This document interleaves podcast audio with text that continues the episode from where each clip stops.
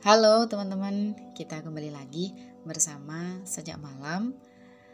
Mohon maaf banget karena udah hampir setahun aku nggak bersuara di podcast ini.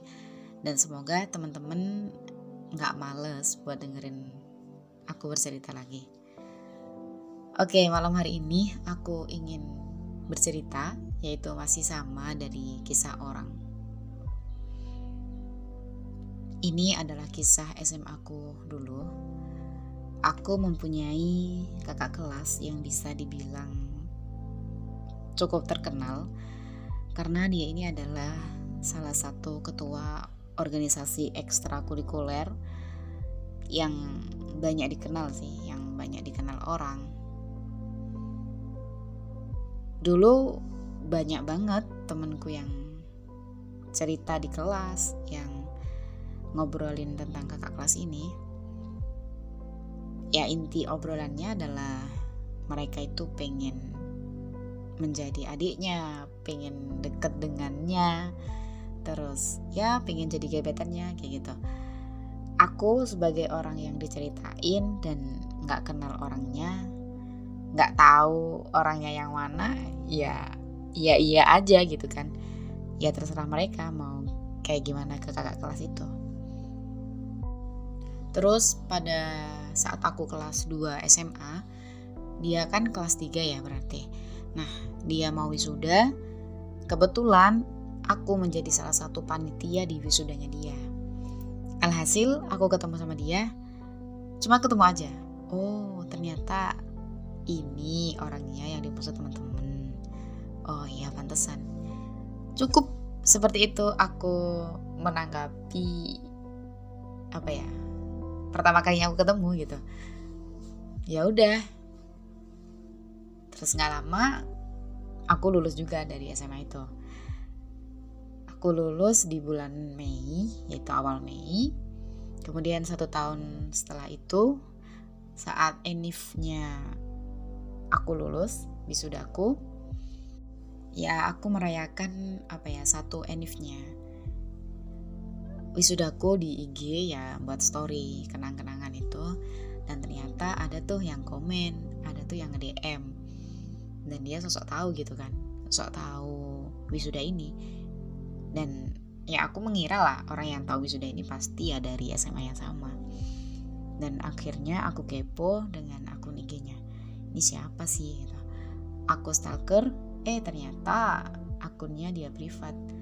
Ya udahlah aku terpaksa nge-follow back duluan setelah aku follow back aku lihat siapa sih yang nge-follow dia siapa yang di-follow dia. Ternyata siapa coba? Ternyata ya kakak kelas yang tadi itu oh I see. Ya ya ya dan di tengah-tengah di emannya kita ternyata dia itu tahu banget tentang aku. Aku dulunya itu pengurus OSIS, aku dulunya di bagian apa, aku dulunya ngapain aja di SMA tuh dia tahu banget. Ya aku heran lah, kok bisa dia tahu? Padahal aku nggak kenal, dia juga nggak kenal aku, kita nggak pernah komunikasi gitu kan. Terus aku tanya dong, kok bisa tahu gitu? Ternyata jawaban dia tuh mencengangkan gitu dah. Dia tuh ternyata udah um, ngepoin aku dari kelas 1 SMA dari situ dia kepo dia ngeliatin aku dia cari-cari info tentang aku nggak tahu ke siapa. Dan ya sesaat aku merasa bangga gitu ya. Merasa apa ya? Merasa seneng pasti.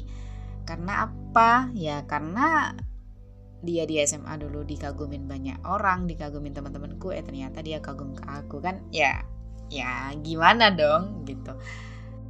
Terus akhirnya dia itu minta buat komitmen. Tapi aku kan nggak mau pacaran ya. Aku orangnya tuh nggak suka banget dengan pacaran.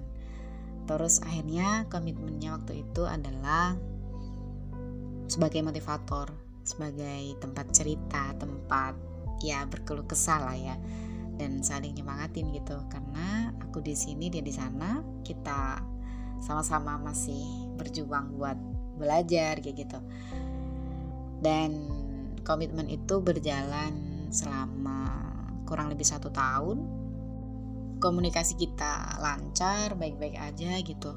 Tapi setelah itu kayak semakin terkikis oleh waktu terkikis zaman dan suatu saat tibalah kami di suatu titik yang mana kami hilang kontak yang mana kami hilang kabar.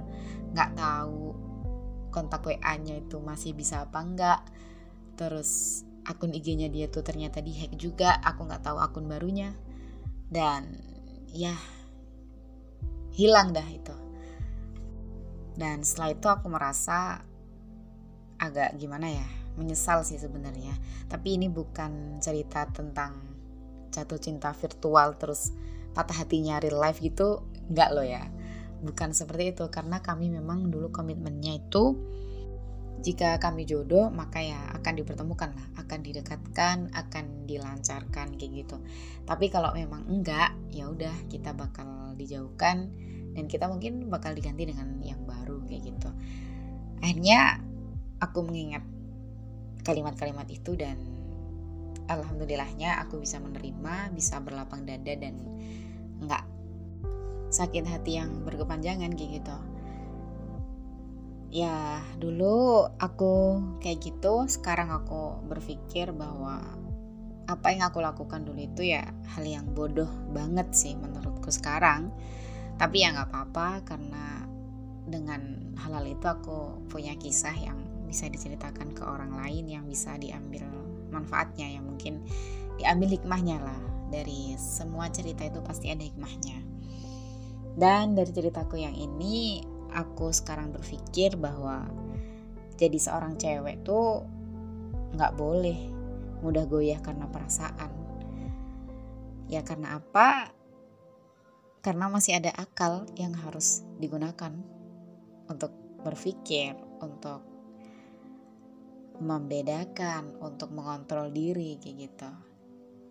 Dah itu aja. Terima kasih.